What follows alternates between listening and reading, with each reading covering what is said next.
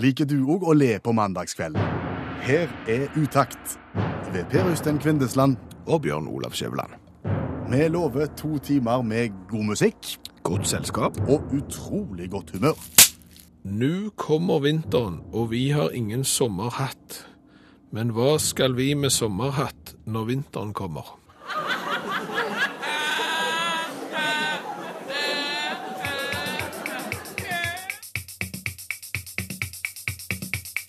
Jim Sterk, 'Going down, down That Lonely Road', innledningsvis i Utakt i kveld, Skjæveland. Og vi gleder oss til å ta fatt.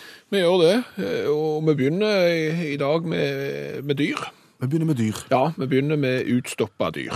Det er et tema som eh, er for lite debattert i, i utakt, og, og med fare for å få uh, fans av utstoppa dyr på nakken, uh, så spør jeg deg. Eh, hvis du oppi hodet ditt skal tegne deg et bilde av den typiske kjøperen av utstoppa dyr, hvordan, eh, hva person er det? Jeg ser en mann. Du ser en mann, ja. Jeg ser en mann med, med grønn jakke. Vannavstøtende. Vannet, ja. Eh, gjerne grønne bukser òg. feltstøvler som han har tatt med seg fra militæret. Muligens kompass i den ene lomma, og kniv. Ja. Eh, Jeg, glemte, jeg må gjerne bare få lov å så- Altså, det jeg mente Se for deg oppi hodet ditt den kjøperen av utstoppa dyr som vedkommende ikke har skutt selv. Altså, du kjøper et utstoppa dyr som du ikke har felt sjøl. Hvordan er den? Nei, Jeg ser egentlig samme mannen. Det er en friluftsmann. På, på, på godt og vondt. Nei, jeg vet ikke. Jeg, Feil svar. Ja, ja, altså feil svar. Jeg, jeg bare lurer på hvem er den typiske kjøperen av utstoppa dyr som de ikke har kjøpt eh, sk- skutt sjøl? Er det interessant? Ja, det er veldig interessant, fordi at jeg kom meg da inn på internett på kjøp- og salgannonser, og der er langt flere annonser for å selge utstoppa dyr enn jeg trodde var mulig. Det er 260 annonser akkurat eh, nå i kveld på, på salg av utstoppa dyr, og jeg tenker jo det, hvem er det som kjøper det? Ja, det har jeg skjønt Ja, at du jeg- lurer på. ja, men altså, det er jo litt som om å ha en pokal på hylla for en kamp du ikke har spilt. Fordi at et utstoppa dyr er jo på en måte et trofé, et minne om en tur du var på, der du felte et eller annet dyr som du var veldig stolt av, og så fikk du en eller annen taxidermist, fikk ord, til å gjøre han klar til stua. Okay, så- så- og hva det- skal du da med en jerv som du ikke har felt sjøl? Det blir på en måte du tenker at, at du har Hvis jeg blant mine kretsmesterskap, medaljer eller pokaler i fotball skulle fått på, på, på plass en pokal fra cupfinalen Ja, for eksempel. som jeg ikke har spilt, Nei. fordi jeg bare kjøpte den. Ja, så han, han, ok, han passet liksom inn der. Ja, men det er jo det, Det går jo an å ha et utstoppa dyr for det. Jeg mener, altså, altså- det kan, altså, hvis du har en drøm, og du har sett en, en, en, en enkel bekkasin der ute, eller dobbel bekkasin, alt dette sånn, Ja. som du bare har lyst til å ha på peishylla, så trenger du ikke å skutte den selv. Nei, nå kommer det en brannfakkel her. Jeg mener at det er bare én eneste kjøpergruppe til utstuppa dyr som de ikke har skutt sjøl, og det er høyfjellshotell. Det er lov. Høyfjellshotell de har, har lov å kjøpe. De kan ha ei ei gaupe og, og en jerv og en rev, og så kan de gjerne ha noen sånn orrhaner inne der med frokostbuffeen. Så det er på en måte markedet. Men, men det er klart at det er 260 dyr, så mange høyfjellshotell er det ikke som mangler gauper og orrhaner og den slags i Norge. Er det, er det dyrt Ikke? om det er dyrt? Ja. Ja, altså, hvis du sorterer det fra dyreste til billigste, kan ta bare det billigste hvis du er litt gnien på, på utstoppa dyr, så kan du få deg et ekorn for 300 kroner, og en jerpe, utstoppa jerpe for 500 nå kan du få i dag, hvis du legger pengene på bordet. Men, men snur du på det, så er det nesten 200 000. Hva- får jeg for 200 000? Hva må jeg kjøpe da? Ja, hva tror du? Hva, hva tror du er det dyreste utstoppa dyret som finnes på internett nett nå? Det er et stort dyr. Ja, Elefant. Nei, ikke så stort. Bjørn. Ja, der er vi inne på det. Hvit eller brun? Hvit. Hvit. 199 000 kroner, så får du en utstoppa stor hannisbjørn eh, i Kristiansand. Du skal ha plass til den nå. Skal pla tenk, altså For å si det sånn, 200 000 for en utstappa isbjørn. Det får jo det der bilkjøpet mitt til å virke som ei gullgrue. Nothing's gonna change my love for you, sang George Benson. Ikke George Benson som sang 'Nothing Gonna Change My Love For You'. Det var jo han fra Hawaii med litt stort hår. Du tenker Glenn Medeiros. Ja, var ikke han? Han sang han òg. George Benson sang han først. Og så kom 14-åringen fra Hawaii og tok han over. Det passet jo veldig godt, merker du. For nå skal vi holde den tråden. Noen har gjort noe som noen andre har gjort først. Akkurat. Fordi at forrige mandag og forrige tirsdag så skjedde det noe veldig rart i NRK P1. Det begynte i vårt program på mandagskvelden. Ja, vi snakket om det temaet der eh, kan det ikke være lurt å bestille pizza, takeaway-pizza, men bare bestille den pizzaen fra rett ut forbi der de lager pizzaen, så kan du sitte på hjem sammen med pizzaen. Da får du levert maten, og du får levert deg sjøl, og du betaler ikke for transport. Nei, Kjempefiff. Tanken vår var at en, en skal jo samme veien uansett, så det kan ikke være noe problem å sitte på. Den teorien lanserte vi og snakket om. Ja. Så kommer programmet Lunsj på P1 på formiddagen dagen etter vi har snakket om det, og de snakker om akkurat det samme. Nøyaktig det samme. De er på en måte Glenn Medeiros, og vi er George Benson. Ja. Men så skjer det ting. Etter at de har snakket om dette og bedt folk om respons på problemstillingen, så får de en opplysende telefon. Ja, da ringer sannsynligvis en av de mange millioner trofaste utaktlytterne og sier vet dere hva? Lunsj. Dette ble snakket om på utakt eh, kvelden før, og lunsj må jo selvfølgelig legge seg langflate. Ja, våre venner i lunsj, Rune og Torfinn, er voksne menn, så de legger seg flate og, og sier dette om det de har gjort. Og nå står vi altså i en litt uh, spesiell situasjon her, Torfinn. Ja. Produsent for dette radioprogrammet. Ja. Det viser seg altså at det du tar opp her, dette med pizza og, og levering og sitte på, Stemmer. har blitt snakket om i utakt på denne selvsamme radiokanalen i går kveld. Ja. Radiofaglig er dette Det er ikke bare svakt, det er nesten altså eh, Jeg tror det er helt sånn på grensa til det som er toler tolererbart. Men når det er sagt, da, og beklagelsen nå med dette er overbakt ja Det der var en plunder med klaveret. ble jeg har ikke beklaga noen ting. Jeg gjør det på okay, dine vegne. vegne. Ja, og vi, vi setter jo pris på denne beklagelsen. Altså, vi syns ikke at det er en stor sak. Vi, vi syns ikke dette er noe å, hausse opp. Nei, vi ser at det der er feller som mange kunne gått i, men Det er fort gjort. det er fort gjort. Vi ville jo sjøl ikke tok og stjåle en idé fra noen andre og presenterte som vår egen Nei. på noen som helst tidspunkt. Men vi ser at det kan skje. Ja, Det skjer den beste, men som du sier, vi ville ikke gjort det. Nei, for all del. Det ringer telefonen. Du, det, det har aldri skjedd i et uttaksprogram noen gang at vi har fått en telefon. Men Ta den nå, du. Nei, da tar du. Skal jeg ta den? Ta du. Hallo, hvem er det som ringer på mandagskveld? Det er Jan Nilsen som ringer. Jan Nilsen, ja. Og, og du avbryter oss midt i et mellomstikk for Hvorfor det? Hva er det du vil? Det er ikke så mye. Ikke så mye, så du ringer midt i et radioprogram for ikke Noe må det jo være. Ja vel. Du kan jo ikke ringe og avbryte ei utaktsending bare for å si at du ikke har så mye på hjertet. Noe må du Hvorfor? Altså, hva er målet her? Jeg ringer ikke for å ha et mål. Ja, Nå blir jeg frista til å si ja vel. Ja vel. Men nå sitter jeg med en følelse her, eh, Jan, at du kanskje har ringt til utakt for å gi deg ut for å være en kjent karakter fra lunsjprogrammet som går på formiddagene på P1, bare for at vi i utakt skal bli tatt med buksene nede for at vi òg driver og plagierer. Ja vel. Jeg føler vel strengt tatt at vi, vi kom til veis ende her. Er det noe å tilføre sånn på tampen? Eh, Ikke for mye. Utakt har som målsetning utelukkende å skape godt humør på mandagskvelden. Det er det vi skal være. eh, Godt selskap. Og hvis du har lyst til å være med i selskapet og bidra med noe vi skal snakke om rundt dette utaktbordet, så sender du en SMS til 1987 og starter den med utakt. Eller så følger du oss på Facebook mens programmet går. Søk opp Utakt med skråblikk i fokus.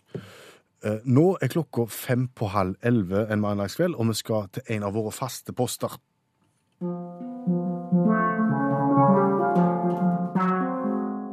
Bare spør. Jeg skal svare. Hilsen Vebjørn, syv år. Vebjørn, syv år, har tatt mål av seg til å hjelpe Utakt sine lyttere. Ja, med hva det enn måtte være. Han vil øse av sin livsvisdom og, og hjelpe den som har et problem. Han har runda syv år. Eh, Jan Olav har sendt oss et spørsmål til Vebjørn i dag. Eh, Jeg leser. Hei, Jan Olav her. Jeg har problemer med å urinere når andre er til stede, Eller dersom det er tidspress ved at andre står i kø bak meg osv. Dette er vanvittig plagsomt, spesielt i pausen på en fotballkamp. Vebjørn, har du hørt noe om dette, eller vet du hvordan man kan bli kvitt problemet effektivt? På forhånd takk. Hilsen Jan Olav. Ja. Jeg tok med meg eh, spørsmålet om eh, urinering hjem til, til Vebjørn syv år og hørte hva han hadde å si. Det du beskriver her, er det som blir kalt paroresis. Paroresis. Ja, eller kinert blære, som i den mer folkelige måten å uttrykke det på. Det er en type fobi der en sliter med vannlating i tilstedeværelse av andre. Lidelsen rammer oftest menn, og er faktisk ganske vanlig. Paroresis er som fobi rangert som nummer to, med bare frykten for å tale i forsamlinger og plassene over. Ja, så da har vi en fobi som er nummer to på popularitetslinja. Det er bra. Men er det noe Jan Olav kan gjøre, sånn at han rekker å tisse i pausen på fotballkamper? Dette er vrient forvann, for vi snakker jo psykologi her. Vi vet jo det at å tisse offentlig er ikke farlig. Men mange sliter likevel med det. Det er helt klart irrasjonelt, men reelt for den det gjelder. Noen mennesker takler situasjonen med å bevisst holde på urinen, eller ved avstå fra å drikke væske. Ja, Det siste der er jo gysla upraktisk hvis du blir eh, tyst, da. Enig i det. Det en kan gjøre, er å oppsøke avskjerma områder. Eller offentlige toalett med enkelt rom. Eller låsbare avlukker. Dermed føler en kanskje en viss form for privatliv, sjøl ute i det offentlige. Bråkete omgivelser, rennende vann, lyder som kan overdøve lyden fra ens egen bås, kan òg hjelpe. Ja, men det høres vel kanskje mest ut som dette her er mentalt, og, og gjerne bør angripes deretter. Absolutt. Alvorlige tilfeller av lidelsen kan påvirke en persons livskvalitet markant. Og hvis Jan Olav er en av de, så vil jeg nok anbefale psykologhjelp, terapi eller støttegrupper. Disse kan bidra til å håndtere situasjonen. Ulike pusteteknikker og mentale rutiner er blant metodene som nyttes i terapien. Håper Jan Olav at dette kan være til litt hjelp. Ja, det håper jeg òg. Du er klar neste mandag? Klart det.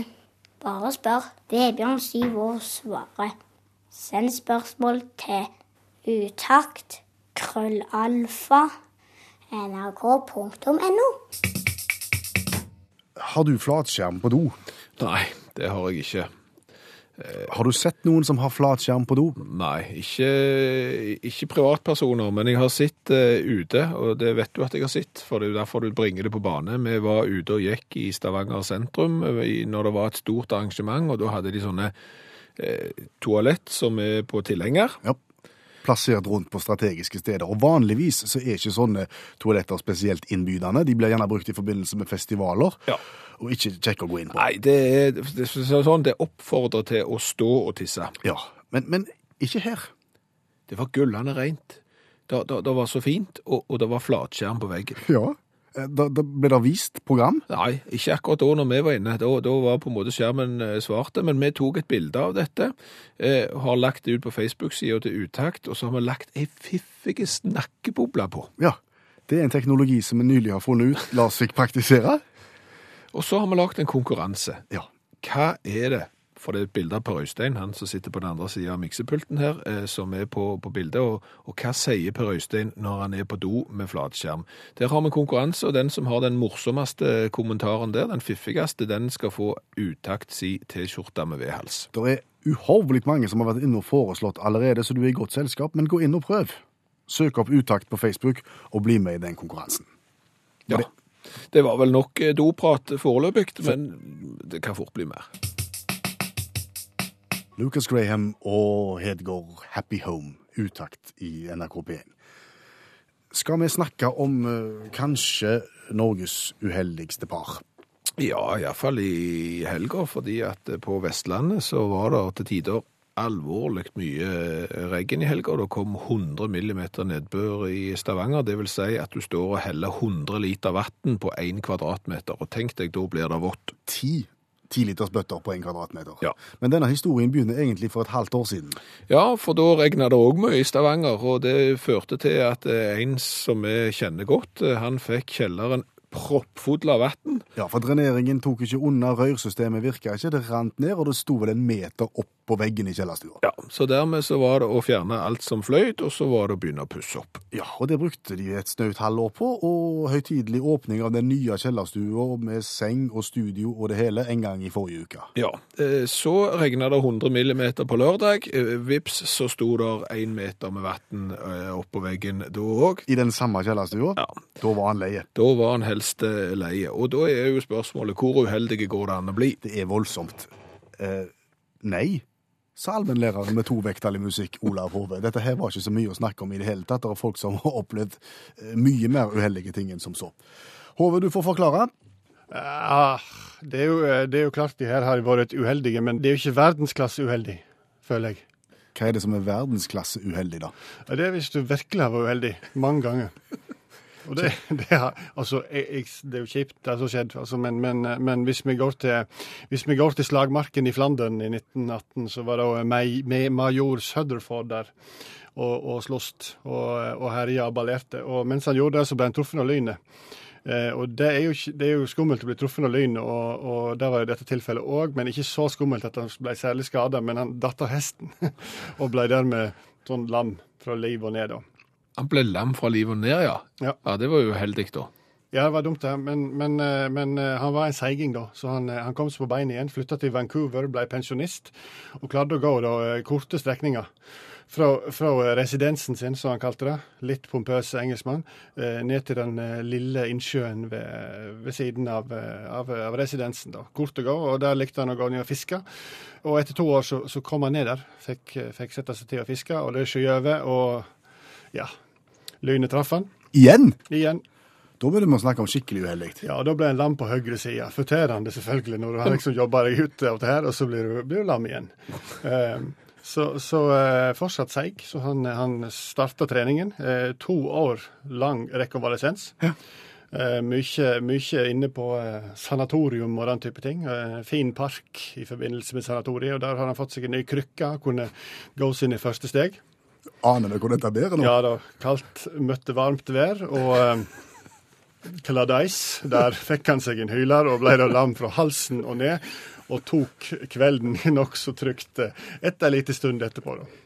Tre ganger truffet av lynet. Tre ganger truffet lynet. Eh, Så var det en episode med, med på, på et, fire år faktisk etterpå, så var det en episode på en, en gravplass i, i Vancouver, der lynet slo ned og ødela en gravstein. Hvem sin gravstein tror du det var? Siden du sier det, så var det sikkert han som var blitt truffet tre ganger før. Det var Summerforden. Lyn vant 4-0 over Søderford. Yes. Er du klar for litt Tom Jones? Alltid klar for Tom Jones. Er du klar for en Tom Jones-vits? Fins det det? Ja, de er sjeldne, men de, de fins. Ja, altså, da er jeg jo klar for en Tom Jones-vits. Ja. absolutt. Eh, Vi har jo fått en del kritikk for, for vitsutvalget vårt, gjerne det som ble brukt i starten av programmet. Ja. Og det er flere som sender oss eksempler på, på bedre vitser. og, og, i det dag setter vi pris på. ja, og i dag har vi fått en eh, Tom Jones-vits, og i og med at det er såpass lite Tom Jones-vitser i omløp, så tenkte vi skulle prøve oss på den. Denne walisiske ja, Kvinnebedåeren med en gudsbenåda stemme. ja, kraftig stemme, og eh, det er jo klart at det er jo et under at eh, Tom Jones har vært gift med den samme kona hele livet, når han kommer hjem fra turné etter turné, dynka i truser, men, men sånn er nå det. Denne vitsen er i utgangspunktet på engelsk, men for å gjøre det litt enklere for oss alle, så har vi oversatt den. Ja. Men vi har lagt inn en litt gebrokken engelsk for å på en måte gi den et visst autist, Re autentisk preg. Ja, jeg sa det. Jeg tenkte feil. Ok, ja, men, men da er det vel sånn at du skal være doktor, og jeg skal være pasient. Ja, la, la, la oss være sånn. Nå er jeg doktor, og du er pasient. Ja. Så, så begynner vi. Da begynner Tom Jones-vitsen. Klar, ferdig, gå. Ja. Eh, Doktor, doktor, eh, jeg kan ikke la være å synge Green, green grass of home. Å, sier du det? Da lider du nok av, av eh, det vi kaller for Tom Jones syndrome, I think. Tom Jones-syndrom. Yeah. Uff, uff, Tom Jones-syndrom. Er det sjelden? Yeah, well, it's not unusual. Vannlating har vel vært en slags rød tråd i programmet i kveld, lik det eller ikke. Ja, jeg håper ikke vi har eh, vært over kanten når det gjelder vannlating, men vi har jo annet vært innom problemer med vannlating. Paroresis. Ja, som vil si at du har problemer med å tre av når det er folk rundt deg. Eh? Du føler presset, og da skjer det ingenting med presset. Og så har du da den stikk motsatte varianten. Ikke fullt så kjent, men den finnes også. Ja, du kan bli for trygg, rett og slett. Du kan bli for, eh, altså, ja, kjepphøge og, og, og har senket garden litt vel mye. Fortell. Dette er selv opplevd, eh, og det er fra forrige uke.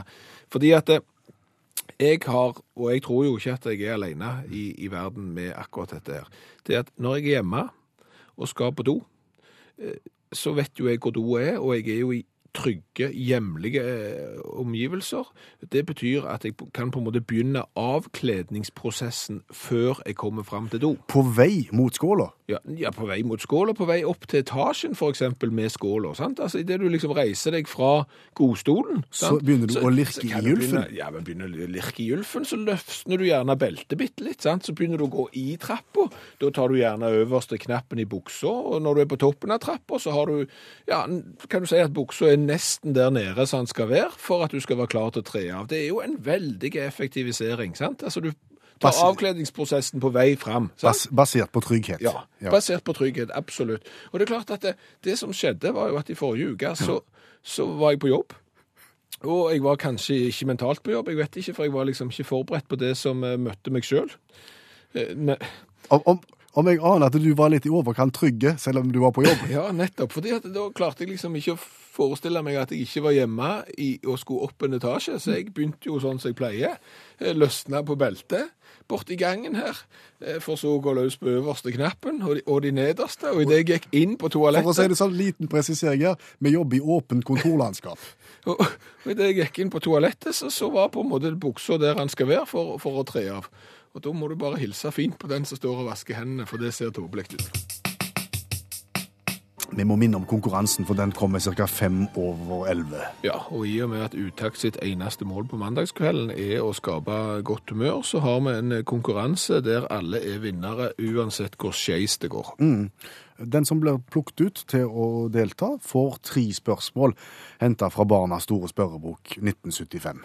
Ja, Det kan jo være vrient i seg sjøl. Ja, men sant, så er det jo der igjen. Svarer du feil på absolutt alt, så får du allikevel den samme premien som de får de som har svart rett på alt. Det er bare én ting du må klare for å få være med på konkurransen, og det er å svare rett på inngangsspørsmålet. Ja, og inngangsspørsmålet i dag mm. er det samme som uka før det, og uka før det, og uka før eh, det.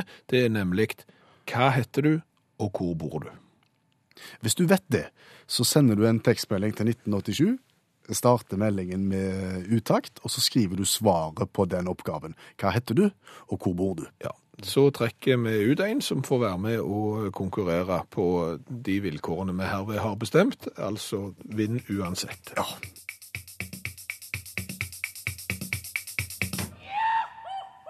Og da snakker vi om antall påmeldte til konkurransen i dag. Ja, og da må det være enda mer stas å være den som er trukket ut, og det er Magne Lysåker. Han svarte rett på spørsmålet på hva han heter, og svarte nesten rett på spørsmålet hvor han bor, for han svarte Hol, tror jeg, og, og det er sannsynligvis rett. Kan du bekrefte at det er Hol, Magne? Jeg sitter og tenker meg litt om, og det stemmer vel ganske bra. Og da snakker vi Hol i Hallingdal. Helt riktig. Flott. Eh, skal vi gå kjapt gjennom reglementet for konkurransen før vi går videre? Det er veldig enkelt. Jeg sitter med ei spørrebok på ca. 66 eh, sider. Eh, Magne velger et vilkårlig sideantall og får et vilkårlig spørsmål derfra. Svarer han rett, så får han gladjodling. Svarer han feil, så får han tristjodling. Men uansett så går det ei T-skjorte med vedhals til Hol. Så, Det er overkommelig. Jeg tror vi rett og slett bare skal gå i gang. Du kan få begynne med å velge et sidetall, Magne. Hvor mange sider har vi å velge mellom?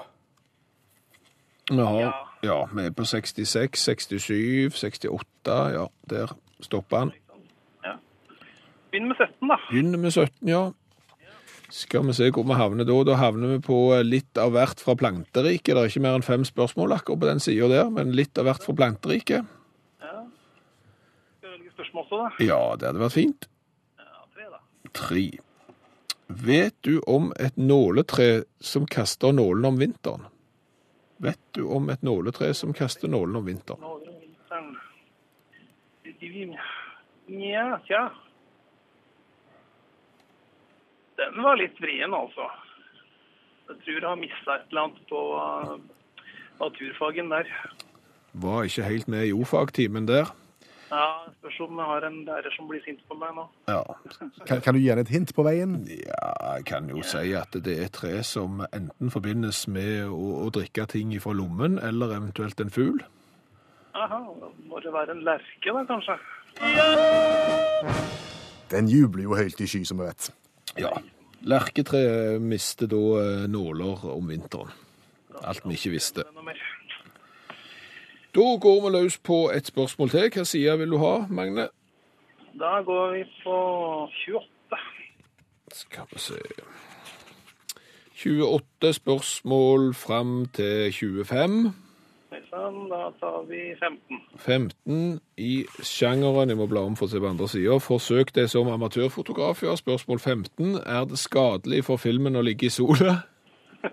Eh, ja, det Det er det bildene vil lett få helt gale farger, og det gjelder jo i den digitale alderen òg. At legger du det digitale kameraet ditt i sola, så vet du aldri hva som skjer. blir det kokt. Ja, men da er det to av to. Det er 2-0 til Hol. Ja, fantastisk. Det er ikke ofte det blir. Da er det ett spørsmål igjen. Et spørsmål til. Da var det side nummer 50. 50. Oi, da er det på slutten. Da er vi der, og vi er i kategorien om himmel og jord. 13 spørsmål. Da tar vi 13, da. Da tar vi 13. Hvordan blir en regnbue til? Eh, Den blir til ved at ja, sola skinner gjennom regndråpen, og så spalter den lyset på en annen slags måte som ja, får ut fargespekteret i Solstrålen nå er vel sikkert langt ut på vidda, men eh, Nei, vet du hva, Magne, jeg har bare én ting å si. Altså, Det var jo så bra at du skulle ha tegna cover til Dark Side of the Moon du, av eh, Pink Floyd, for det er jo akkurat det som skjer. Lyset treffer regndråpene, og så er det fargespekter, de forskjellige bølgelengdene i lyset. ja, det er sånn det er på Dette er perfekt. Eh, Hva skjer i Hol i kveld? Er du hjemme i godstolen eller ute på veien? Ute på veien på vei hjem. Fra arbeid, eller? Jeg er på vei hjem fra arbeid. Hva, hva har du gjort på på arbeid så seint på en mandagskveld? Ikke sant? Jeg jobber skift, da, så da blir det litt pendling. Ja. Hjem fra Drammen, faktisk. Og da har du et godt stykke å kjøre. Ja, det er langt nok. Så kjekt du ville være med i konkurransen, så skal det være en glede for oss å sende ei T-skjorte med vedhals av gårde til Magne. Det høres helt fantastisk ut. Kjør forsiktig og ha en god kveld. Nå skal vi gå løs på litt eh, forskning, og noe forskning som du kanskje kunne tenke deg til fasiten på før spørsmålet ble stilt. For eksempel. Nei, altså for eksempel så er det vel noe sånn som at eh, 90% av de som eh, blir angrepet av hai, eh, blir angrepet på grunt vann. Er det så oppsiktsvekkende? Nei, det er jo ikke oppsiktsvekkende i det hele tatt, for hvor er det folk bader? Sant? Det er jo bare de ytterst få som ligger på havbånd og vager med dykkerdrakt på seg, og det er klart at blir du angrepet av hai, da, så er det jo gjerne der du bader. Det, er- så, men ok, folk har fått penger for å forske på det, og har, har funnet ut av det. Du er det indignerte hjørnet, så du får bare fortsette. nei, men ikke helt, altså. Men vi skal løs på en annen undersøkelse som som òg nettopp er publisert. Det det er da at eh, ektefeller som begge røyker marihuana, slåss mindre. Ikke oppsiktsvekkende det heller. Ikke, altså, når jeg leste overskriften med en gang, så, så stussa jeg ikke noe spesielt på det. At det, å ja vel, tenkte jeg, men så begynte jeg å grunne litt. Grann, for hæ? Hæ? Nå, nå har ikke jeg noe greie på marihuana. For å si det sånn, Nei, Min marihuanakompetanse strekker seg til amerikanske filmer. Ja. som jeg har sett. Så sånn sett så kan det jo Min hende at strekker seg noe kortere enn det, men jeg syns ikke du skal forherlige det på noen Nei, som nei, jeg helst skal ikke måte. forherlige det på, på noe vis. Men altså, det er da forskere. De har fulgt, og heng med her, altså dette er amerikansk universitet i Buffalo. De har fulgt 634 ektepar i ni år. Og, de har regelmessig da stilt spørsmål om rusmiddelbruk, alkohol, eh, marihuana og andre rusmidler til disse ekteparene. Og så har de da kommet fram til at ektefeller der begge parter røyker marihuana, de, de slåss mindre. Og det syns du er like, like lite oppsiktsvekkende som at haien angriper på grunt vann? Ja, omtrent. Fordi at når jeg slo det opp, så, så viser det seg det at hvis du misbruker marihuana, så, så får du da en mild følelse av opprømthet, lykke, glede og, og trivsel. En såkalt euforisk rus, skriver leksikonet om akkurat det greiene der. Og det mener du er kjekt å ta med seg inn i ekteskapet? Nei, men altså, det gjør jo gjerne at du ikke slåss hvis du er lykkelig, glad og, og, og trives. Og det er klart at det, det som jo eh, er enda viktigere her, kanskje, det, det er jo dette her med, med at du eh, Kan du si at sinnsstemningen påvirkes på den måten at du, du blir glad. Og da kan du tenke deg hvis kona kommer og spør kan du ta ut båset. Jeg synder jeg skal ta ut båset. Og så kommer du, du skal ikke ta ut oppvaskmaskinen òg. Sant? Alle tiders. Så, så, så gjerne problemene vil kanskje virke bitte litt mindre. Er det på andre områder det skal virke òg, dette? Er, er- korttidshukommelsen blir ofte kraftig redusert, står det i leksikon. eh, sånn Det kan hjelpe. Det kan hjelpe, for det er klart at det dermed så husker du ikke maset. Sant? Du husker jo ikke disse gjentagende spørsmålene om har du gjort ditt, har du gjort datt. Ja, men, Og damer som husker alt du har sagt og gjort, de husker kanskje litt mindre av det? Ja, for det er jo gjerne den der greia som andre folk må, må, må leve i. Det er jo liksom å, husker du den gangen du gjorde ikke det, du gjorde ikke det, du gjorde ikke det. Og det er klart, nå husker ingen noen ting. Det er bare sant Har du vært ute med katten? Nei, men jeg ja, har med katt. Jeg kjenner ikke alle tider. Jeg tror vi stopper der. Ja, altså Jeg ser jo òg at det skal ikke virke forherligende, dette, Nei. men jeg bare vil sette fingeren på at det er gjerne brukt en del forskerkroner på ting som du allerede visste svaret på. Det var egentlig det som var poenget. Ja. Og det er klart at det, et stort forskerkorps sier at det er stor konsensum. Konsensus. Konsensus. Det betyr egentlig at folk er enige. Sant? Det er bare en fin måte å si vi er enige på. At det er stor konsensus om at bare små doser eh, marihuana øker den seksuelle nytelsen både hos eh, menn og kvinner. Så kan du sjøl tenke deg hvem som slåss og ikke slåss. Og så er det stor konsensus i studio om at en ikke bør bringe dette her inn i ekteskapet likevel. Ja, det er det. Imagine Dragons on top of the world. Imagine Dragons som kommer fra Las Vegas, Ja. Byen der du kan tjene penger på å være utkledd som pølse. Ja, ja, da kan du det. Men nå må du Husk, husker ja, jo, men du må forklare nå, for det, det ble for eh, kryptisk for folk flest. Ja, du, du kan tjene penger på å være utkledd som pølse, men du tjener mye mer på å være utkledd som Supermann eller Darth Vader eller noe annet. Poenget er at i, i Las Vegas så er det haugevis av folk som kler seg ut som ting, og står og bare er ting. De er Supermann, de er Batman, de er Darth Vader, som du sier, og, og legger ei skål foran seg, og så gir folk penger dersom du ligner masse. Ja, for da kan du bli tatt bilde av sammen med Og der var det en som fant ut at nei, nå er det for mye kjendiser og, og filmstjerner som folk har kledd seg ut som. Jeg satser på viner i, viner i brød. ja, det er mange måter å tjene til livets opphold på. Skal far ha på jobb. Ja, husk ketsjup.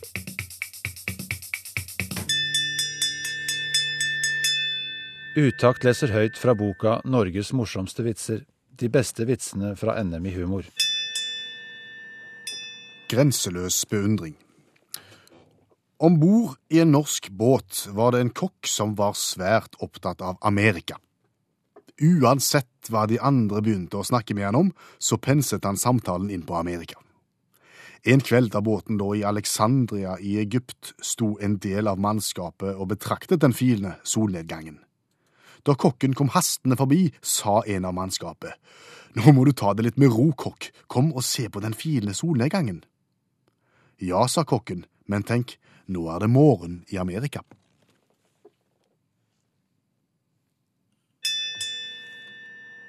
Du har hørt Utakt lese høyt fra boka 'Norges morsomste vitser'. De beste vitsene fra NM i humor. Og så kom det gode nyheter fra England i dag. Ja, det britiske hoffet kan da melde at hertuginne Kate er gravid med sitt eh, andre barn, og dermed så blir hertuginne Kate og prins William eh, fedre om ei stund. Og som de eh, sterke rojalistene med, så, så brakte vi jo denne nyheten til vår venn allmennlæreren med to vekttall i musikk, Olav Hove, men han var ikke så begeistra. Nei, han var ikke det. Han syns at eh, kongelige fødsler nå på 2000-tallet rett og slett er blitt en stusslig affære. Det var tøffere før. I England. Mye stiligere, mye stiligere og mye artigere eh, setting, vil jeg si, eh, er fødsel. Ja, var dette regler som gjaldt for den fødende, eller var det for mannen, eller hvem for? Nei, for du, det så, du vet jo, engelske kongehuset, det var mye tull. Og det var ikke bedre før i tiden. Masse, masse tull da. Og det er en slags, eh, det er en slags kjent sak at, eh, at engelske prinsesser de har hatt en slags sånn eh, fødselsvegringproblematikk. De, de, har slet, de har ikke hatt lyst til å føde, de har hatt litt sånn traume i forhold til det. Men det er jo ikke noe valg når du først har kommet til NS. Ut må det, enten du liker det eller ei. Det er litt av kjernen her. fordi at På 1800-tallet så dronning Victoria på 1800-tallet, hun, var- hun var den som var mest kjent for å ha den voldsommeste traumen i forhold til det å føde. og verste i verden var før, det Kunne ikke tenkes noe sånn. Eh, hun hadde ni unger, noe som skapte visse sånn Hvor kommer de ungene fra? Av og til følte de at hun ikke så gravid ut i det hele tatt, men der dukka det opp en unge, da. Dermed så har han et regelverk der, der eh, innenriksministeren, da, med følge selvfølgelig, skulle overvære fødselen for, for å liksom se at ting gikk rett for seg. Det er som en trekning i pengelotteriet, på en måte. Så det var innenriksministeren som fikk jobben. For, for å se liksom at det, faktisk dronninga føder, det er ikke, kom ikke, kom ikke rekende med noen sånn tilfeldig forbipasserende sine andre unger. Ja, det var rykte om at de har smugla inn unger i varme flasker og sånne ting. Eh, Hvordan de får det til, vet ikke jeg, men det var masse slikt, da. Ok, de, de, de kaller på innenriksministeren, han kommer med følget sitt, og så Mm. er en i gang. Ja, og det var, ble et styr med det rundt 1930, når dronningmoren skulle føde. Eh, Dronningmoren det er hun som var, var eldgammel i en mannsalder og så alle cupfinalene, for de som noterer. Ja. Eh, men hun fødte da i Glamis i Skottland i 1930, og da eh, kom han i god tid, og eh, innenriksministeren, selv om det var kullstreik. Eh, og, og dronningmoren var seig i, eh, kan du si, i sessen, og, og det varte og rakk. og sånn. 17 dager over, over termin, da fant hun det for godt å føde. Og Da sa innenriksministeren at nå, nå begynner jeg å bli litt sånn Dette er litt styrete. For det første så må han se på fødselen, og for det andre så må han da rapportere da, dette her til borgermesteren av London, guvernøren av Nord-Irland og Isle of Man. De har samme guvernør, Nord-Irland og Isle of Man for øvrig. Dronningens stabssjef må få vite dette her, og innenriksministeren. Og alle ambassadører utenlands. Svære jobb, men iallfall innenriksminister med følge. Så hvis vi går litt lenger tilbake, så skulle òg erkebiskopen av Canterbury med følge være med. Selvfølgelig alle med samme spisse, toskne hattene skulle stå der og glane på at, at prinsessa skulle føde. Dette ble det litt brylja rundt i 1841, når, når dronning Victoria fikk sin lille Albert. For da hadde de ja, da hadde de rota det til på et vertshus, da, den her eh, Canterburyen og gjengen. Jeg vet ikke hva de hadde gjort, om de hadde hatt et spilt hattespill eller hva det var. Men i hvert fall så kom de for seint. Fikk ikke med seg av fødselen og sånne ting. Ble et opplegg, dette her, da. Og hvis vi går enda lenger tilbake, til 1688, så var det sånn at 42 respekterte borgere måtte verifisere skråstrek bevitne fødselen. Og hvis vi tenker 42 respekterte borgere, erkebiskopen og Canterbury med spisse hatter og følge, innenriksministeren med følge, så er det over 60 mann som skal se på fødselen. Og så lurer de på hvorfor prinsessen hadde fødselsvegring. The Power of Love i Gabrielle Aplin sin versjon. Hva vet du om Gabrielle? Eh, Jo, en ungtase. Ung jente. Ja, født i 1992 i England og ble kjent eh, gjennom nettopp sånne sanger som dette. Hun lagde sine akustiske versjoner av eh, kjente hits og la de ut på YouTube, og vips, så var hun kjent, og så turnerte hun med store artister og varma opp eh, for de. Det er sånn de gjør i dag. Ja. Nå er klokka blitt ti over halv tolv på mandagskvelden, og vi har kommet fram til den programposten som du har insistert eh, skal hete My hovercraft is full of eels. My hovercraft is full of eels. Og det sier seg ikke sjøl hva det skal handle om.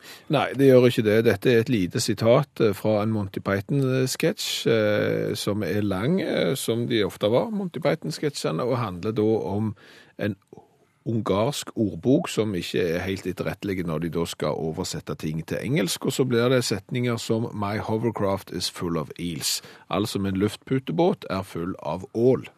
Språklig forvirring der, altså. Ja, og, og da er det sånn at akkurat denne lille frasen fra denne sketsjen er det svært mange som har forelska seg i, og det er egen nettside der folk fra forskjellige land har lagt inn sin versjon på sitt språk, der de leser min luftputebåt er full av ål. Og så har vi lagt en liten internkonkurranse. Klarer du med ditt påstått gode språkhøyre, å finne ut hva språk vi skal fram til i dag? Og da vet du, som meg, at jeg har vært veldig nær alle de tre første versjonene av denne konkurransen. Ja, men så har du blitt nervøs, for du har eh, trodd at det var og det, det her er for enkelt, og så har du tenkt vanskelig, og så har du svart feil. Ok, Nå skal vi da snart få høre setningen 'Min luftputebåt er full av ål' på et språk som vi ikke vet hvem er. Mm. Hva er? Jeg skal gjette, og du som hører på, kan gjette, og så skal vi se om vi klarer å finne ut. Her er setningen.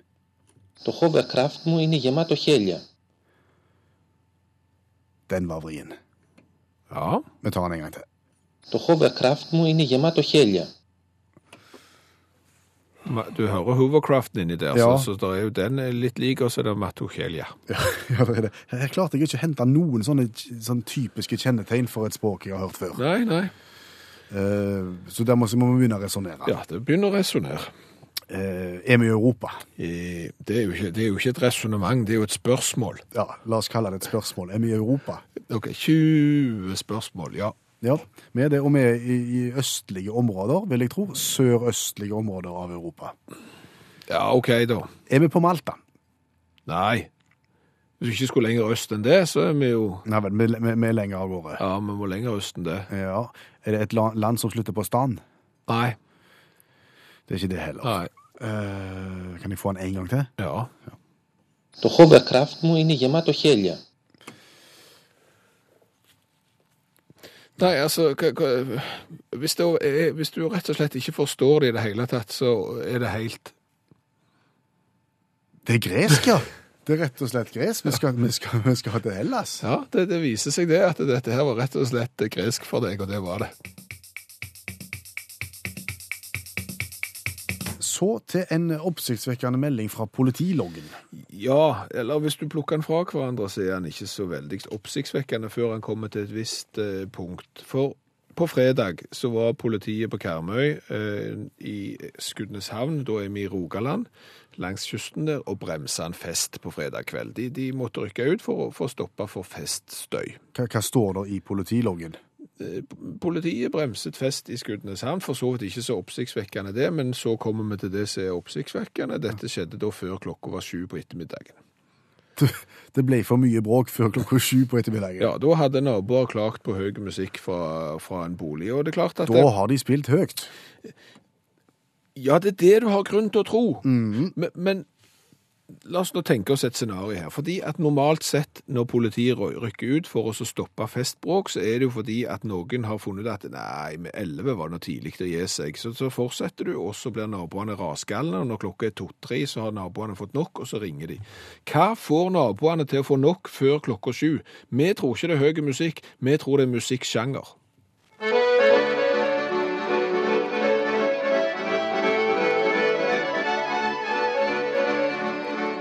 For det er klart at Hvis det har for vært 40 trekkspillere i denne leiligheten her, som har vært litt på skjenk, og så skal begynne på et eller annet eh, pols fra, fra en eller annen plass, og så er de ikke helt i synk, så er det klart at det skal ikke mange timer til før nabolaget sier stopp. da ringer du. Ja. Så, så vi trodde jo det var det. Men etter litt nærmere undersøkelser så viste det seg det var ikke det. Nei, så, så, så vi måtte jo komme opp med en eh, ny teori, og, og da er jo teorien eh, korpsstevne nærliggende.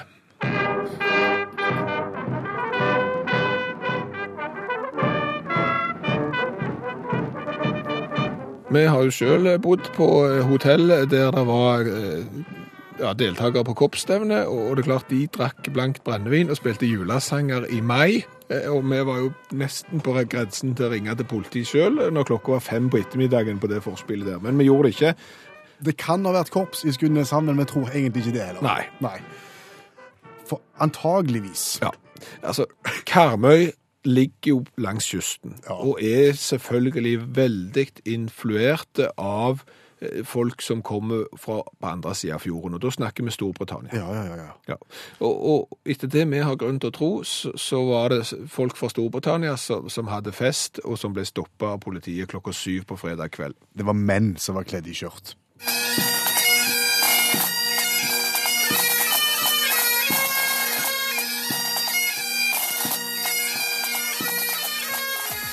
Hør flere podkaster på nrk.no podkast.